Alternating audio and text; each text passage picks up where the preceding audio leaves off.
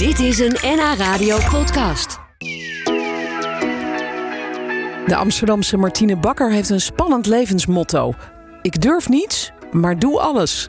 Dat bracht ze zelf ook in de praktijk door bijvoorbeeld park ranger te worden in Californië en fietsgids in Londen.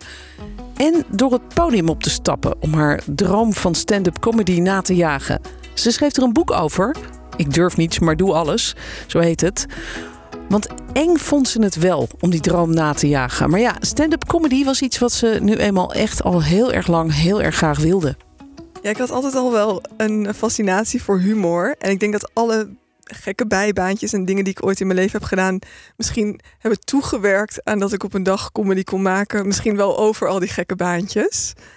En ja, ik vind het het leukst om met verhalen bezig te zijn en het leven te relativeren en mensen aan het lachen te maken. Ja, maar het lijkt me wel doodeng als je dus op een podium moet gaan staan en grappen moet maken.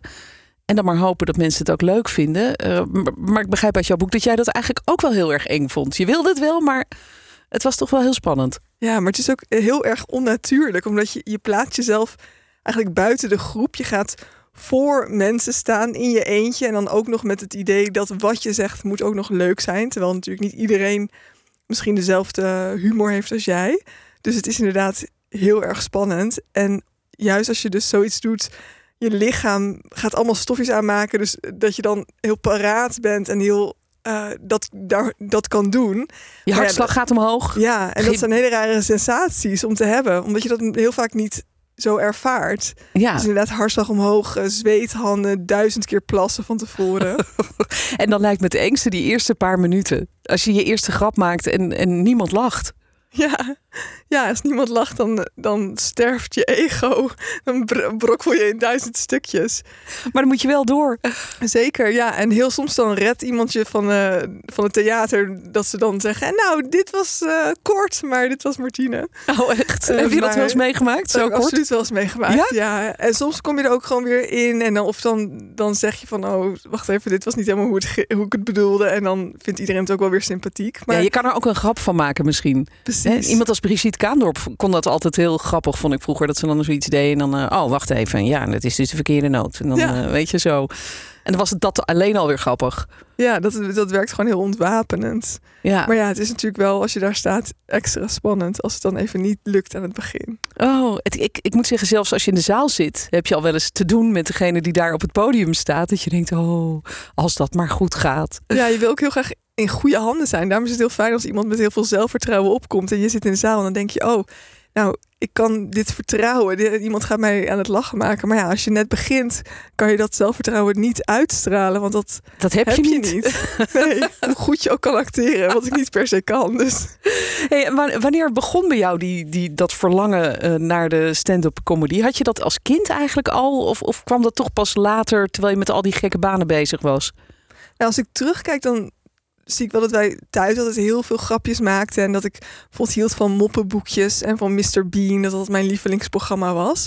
Maar uh, ik werkte vanaf mijn 25ste voor CJP, voor Cultureel Jongerenpaspoort. En daar interviewde ik heel veel filmmakers en comedians en um, schrijvers. En toen leerde ik dus dat heel veel mensen die een vak doen in de creatieve sector, dat ze dat zichzelf hebben aangeleerd en dat ze er heel veel tijd in hebben gestoken. En zo ook dus met comedy. Dat zijn niet per se mensen die zo geboren zijn, maar die zijn begonnen met naar een open podium gaan, grappen schrijven, oefenen en heel veel. Dus wel eigenlijk ook op hun bek gaan, want die hebben ook aan het begin niet dat zelfvertrouwen. En toen ik dertig werd, dacht ik, nou, misschien is dit gewoon het punt om te gaan doen wat ik eigenlijk altijd al had willen doen.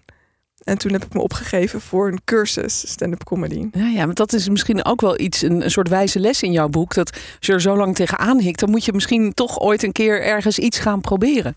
Ja, en heel vaak hebben we in ons hoofd een droom.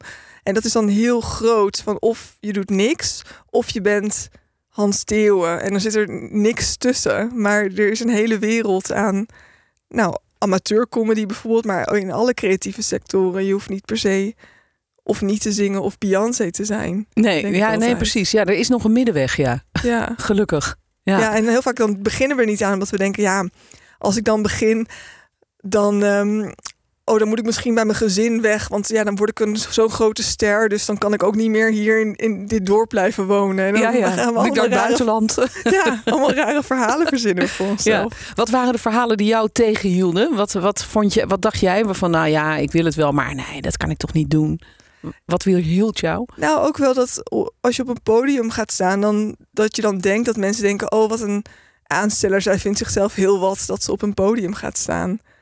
Dus dan dat ik dan al voor andere mensen invulde dat dat stom was. Terwijl die mensen allemaal betalen om iemand te zien die op het podium durft te gaan staan. Ja, precies. Toch? Dus er zullen altijd mensen nodig zijn die op het podium staan. Dat, eh, ja, we hebben Ja. altijd de culturele sector nodig. Ja, gelukkig ja. Hey, je, je hebt je boek opgedragen aan je ouders. Ehm, het, het is echt een heel grappig boek. Want je, je vertelt een beetje over jouw weg naar dat podium. En hoe je die podiumangst overwon. En wat je allemaal hebt meegemaakt aan grappige dingen. Ehm, maar het boek eh, begint met een, een, eigenlijk, eh, ja, een, een, een opdracht aan je ouders. Eh, en daar schrijf je, ja, het boek is voor mijn ouders omdat jullie mij opzadelden met een iets te gelukkige jeugd. Is, is dat een handicap voor jou als eh, stand-up comedian of schrijver? Nou ja, daardoor kan ik dus geen oeuvre maken over allemaal verknipte dingen die ik in mijn jeugd heb meegemaakt.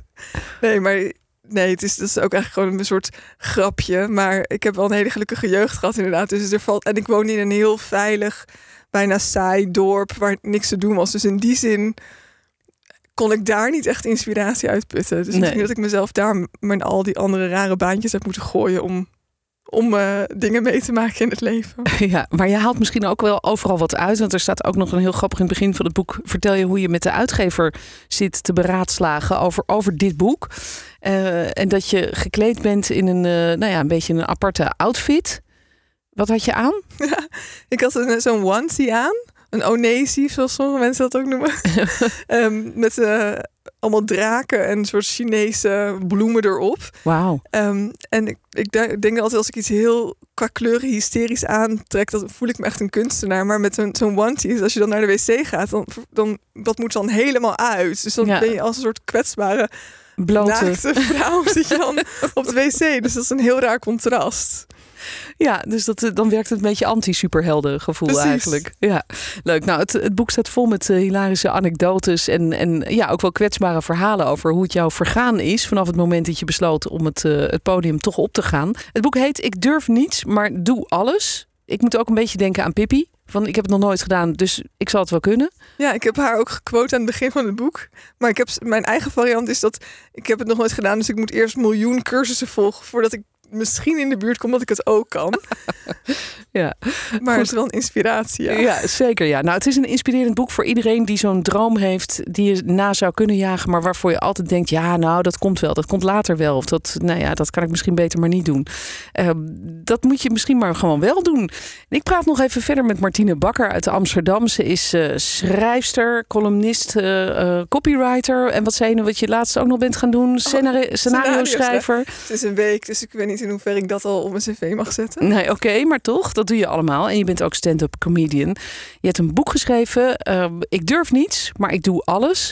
En daarin eh, beschrijf je hoe je je droom waarmaakte eigenlijk om stand-up comedian te worden. En probeer je ons tegelijkertijd mee te geven ja, dat, eh, dat je misschien gewoon dat gedroomde leven maar eens een keer moet gaan beginnen in plaats van het de hele tijd uit te stellen. Jij hebt die sprong gewaagd en dat begon dus met een cursus stand-up comedy. Weet je nog het de eerste keer was dat je op dat podium stond voor de medecursisten, neem ik aan, Ja, en je verhaal moest doen? nou vreselijk eng natuurlijk. En het, was, het ging ook niet echt, het ging op zich prima, maar niet, het was niet het beste optreden ooit. Maar toen dacht ik wel, oh ja, dit is gewoon het begin, dus het maakt niet uit. Voor waar ik nu sta is dit, is dit goed en prima. En ik Ja. voelde wel genoeg energie om door te gaan. Nou, dat is wel goed. Dat je niet gelijk tegen jezelf zei van nou, dat is, dit is dus helemaal niks en het wordt niks. Die neiging Nee. hebben misschien ook veel mensen. Als het dan de eerste keer niet lukt. Ja, je hebt je dan zulke maar stopt. verwachtingen natuurlijk van hoe zo'n eerste keer zal zijn. Ja, Maar ja, kleine stapjes denk ik dan. ja, want vanuit de cursus ging je ook echt optreden. En in het boek vertel je allemaal grappige verhalen over ja, wat je dan meemaakt als je als stand-up comedy eh, eh, artiest op een podium klautert en je verhaal doet. Eh, bijvoorbeeld een man uit het publiek die gewoon eh, botweg zei: Ja, ik vond je wel leuk voor een vrouw. Ja, Want, want vrouwen kunnen niet grappig zijn, natuurlijk. dat hoor ik wel eens, ja. Maar dat is natuurlijk ontzettend achterhaald. Want er is geen één beroep of iets menselijks wat vrouwen niet kunnen en mannen wel. Dus Ik vind dat altijd een beetje raar. Maar inderdaad, ik heb wel eens gehoord, eh, dat was leuk voor een vrouw. Of eh, de volgende comedienne. Of wat kan ik zeggen? Ehm, ze heeft een vagina, bijvoorbeeld. Dat soort dingen. Oh, zo werd je aangekondigd. Ik weet even de naam niet, maar het heet een vagina. Ja, het, uh, ja dus dat is erg, erg interessant. Ja. Um, maar het gebeurde maar het was ook heel vaak wel heel erg leuk. Ja, tuurlijk ja. Bijzonder vond ik ook dat, uh, dat iemand jou uitlegde dat je gelukkig niet te knap bent, maar ook Ja. weer niet een echte pannenkoek. Eh, wat bedoelde die daarmee? Nou, ik eh, kreeg te horen dat als comedienne moet je er dus op een bepaalde manier uitzien. Volgens deze man, hè, dat heb ik niet zelf bedacht. Nee, nee. Ehm, als je te knap bent, dan denkt iedereen in de zaal... oh, wat is zij vreselijk knap. Mijn eh, man wil met haar naar bed. Of de man denkt, oh, ik wil met haar naar bed. Maar dat, dat lukt me niet, want ze is te knap. En als je dus niet knap genoeg bent... dan denkt iedereen, nou, waarom hebben we hier een kaartje voor gekocht? Oh ja. En hij zei dat ik dan precies op die schaal in het midden zat. Maar wat belachelijk is, want het gaat gewoon over verhalen over mens zijn en het leven. Ja, want waar haal jij je verhalen vandaan? Ja, uit al die gekke banen die je hebt gedaan, maar ook uit gewoon de dagelijkse dingen die je meemaakt. Ja, obs- ja, observaties uit mijn leven. Eigenlijk ik hou heel erg van comedy vanuit eh, dus de menselijkheid. Dus niet per se. Ik schrijf ook satire voor de Speld en voor de Pin. Dus een vrouwelijke zusje van de Speld. Ehm, maar ik merk dat ik het leuker vind dan om over dingen te schrijven die alledaags zijn of die we allemaal meemaken, een soort van lifestyle dingen dan echt over de actualiteit. Eh, in ongemak vind ik dat heel veel humor zit. Dus ik vind het ook leuk om gênante verhalen over mezelf te vertellen. Dat vindt iedereen volgens mij wel grappig ook. Als je Ja. jezelf een beetje onderuit haalt, toch? Ja, Als je zelfspot. Ja, dan- zelfspot. je, je kwetst niemand, alleen jezelf. En eh, Ja, en het zijn dan vaak toch wel situaties waarin mensen zich misschien een beetje herkennen. Van, oh ja, Ja. dat heb ik ook wel eens gehad, dat ik per ongeluk op mijn pantoffels bij de slager stond. precies. Zoiets. Of Ja. je denkt ook maar zo dat ik het niet heb meegemaakt. Maar fijn dat je jouw verhaal deelt. ja, dat zijn mooie momenten. En, en, en zo fijn als mensen dan ook gaan lachen. Ja. Hoe, hoe is dat gevoel als jij op het podium staat en je, en je voelt die lach gewoon opkomen en door de zaal golven? Nou, dat is wel een van de mooiste dingen op aarde, denk ik. Ja? Dus daar kan echt geen dronken avond of wat dan ook tegenop. Als Chocoladetaart? echt- ja, geen chocoladetaart. Nee, het is een soort combinatie van dronken avond en chocoladetaart bij elkaar in je hoofd. Ehm, nee, het is echt fantastisch als je iets hebt bedacht en dat het gewoon helemaal werkt. Maar dat gebeurt helaas niet altijd dat het allemaal zo goed samenkomt. Nee. Maar- Is, dat, is dat vooral meer als er eh, bekenden in de zaal zitten? Of juist met, met mensen die jou nog nooit gezien hebben en die daar heel onbevangen ingaan? Eigenlijk is het leuker dat al- als het onbevangen is en onbekenden zijn. Want dan weet je in ieder zeker dat het niet je vrienden zijn die nep lachen uit medelijden. Dat kan ook Dat natuurlijk, kan ja. natuurlijk ook. Oh, dat zou wel sneu zijn. Goed, eh, je hebt een, eh, een boek geschreven over jouw ervaringen. En het boek eindigt met eh, dat je wint het Leeuwarder Cabaret Festival. En ehm, dat, dat, dat is best een hele prijs. En je hebt ook een, een optreden gewonnen. Je mag in de Schouwburg van Leeuwarden gaan optreden. Maar ik begrijp dat je daarna gewoon gestopt bent. Of, of, of doe je nog wel af en toe wat? Nou, ik, heb dat jaar dat ik zo intensief ging optreden, heb ik honderd keer opgetreden. En, en mijn, een van mijn laatste shows was dus die finale. En het was zo overweldigend allemaal. Ik wilde gewoon even een beetje een tijd van bezinning. Van, van wat vind ik nou eigenlijk leuk hieraan? En wat ik heel erg leerde was dat ik vooral de teksten maken heel leuk vond en de grappen schrijven. Maar dat ik het optreden altijd best wel zwaar vond, omdat het zo Ja. naar buiten is.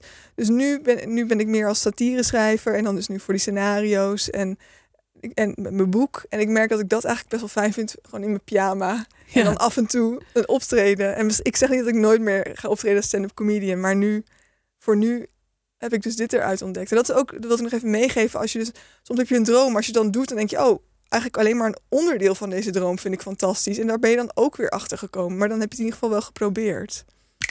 Dit was een NH Radio podcast. Voor meer, ga naar nhradio.nl. Radio.